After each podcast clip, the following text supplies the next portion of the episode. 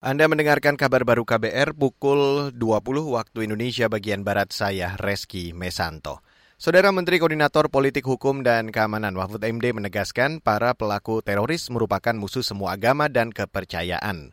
Pernyataan itu dikeluarkan usai kejadian bom bunuh diri di kantor Polsek Astana Anyar, Kota Bandung, Jawa Barat.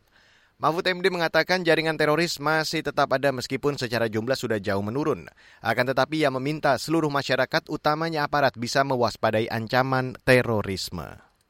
Dan teroris itu adalah musuh kemanusiaan, bukan pejuang agama apa pun teroris itu. Itu adalah musuh kemanusiaan, musuh bersama, musuh semua penganut agama, itu teroris.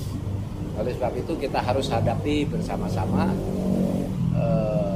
masalah ini dan ke depannya kita semua harus hati-hati. Yang penting itu. Kasus bom bunuh diri di kantor Polsek Astana Anyar itu terjadi pagi tadi. Aksi itu menewaskan pelaku dan seorang anggota polisi. Sedangkan sejumlah orang luka. Pelaku merupakan bekas narapidana kasus terorisme bernama Agus Sujatno atau Agus Muslim.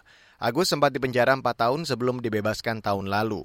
Pelaku sempat masuk program deradikalisasi namun dinyatakan berstatus merah atau masih berpaham radikal.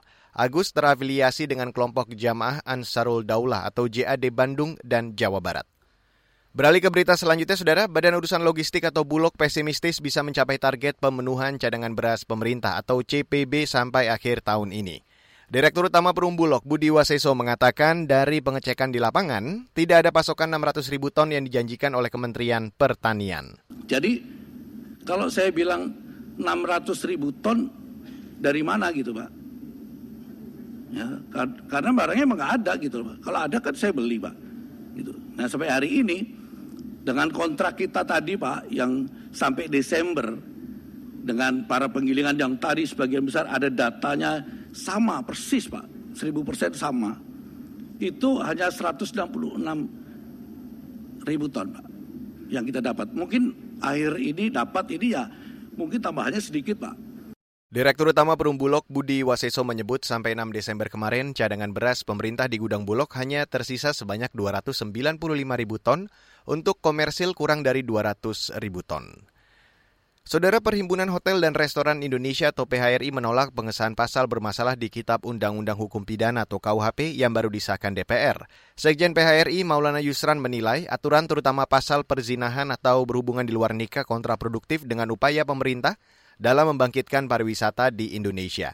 Ia menyebut aturan itu dikhawatirkan menurunkan permintaan terhadap penginapan oleh wisatawan asing dan Nusantara karena adanya ancaman pidana yang kita jadi masalah itu pertama adalah bahwa negara kita itu belum konsisten terhadap penerapan penerapan hukum perkawinan, Mbak. Itu dulu, Mbak.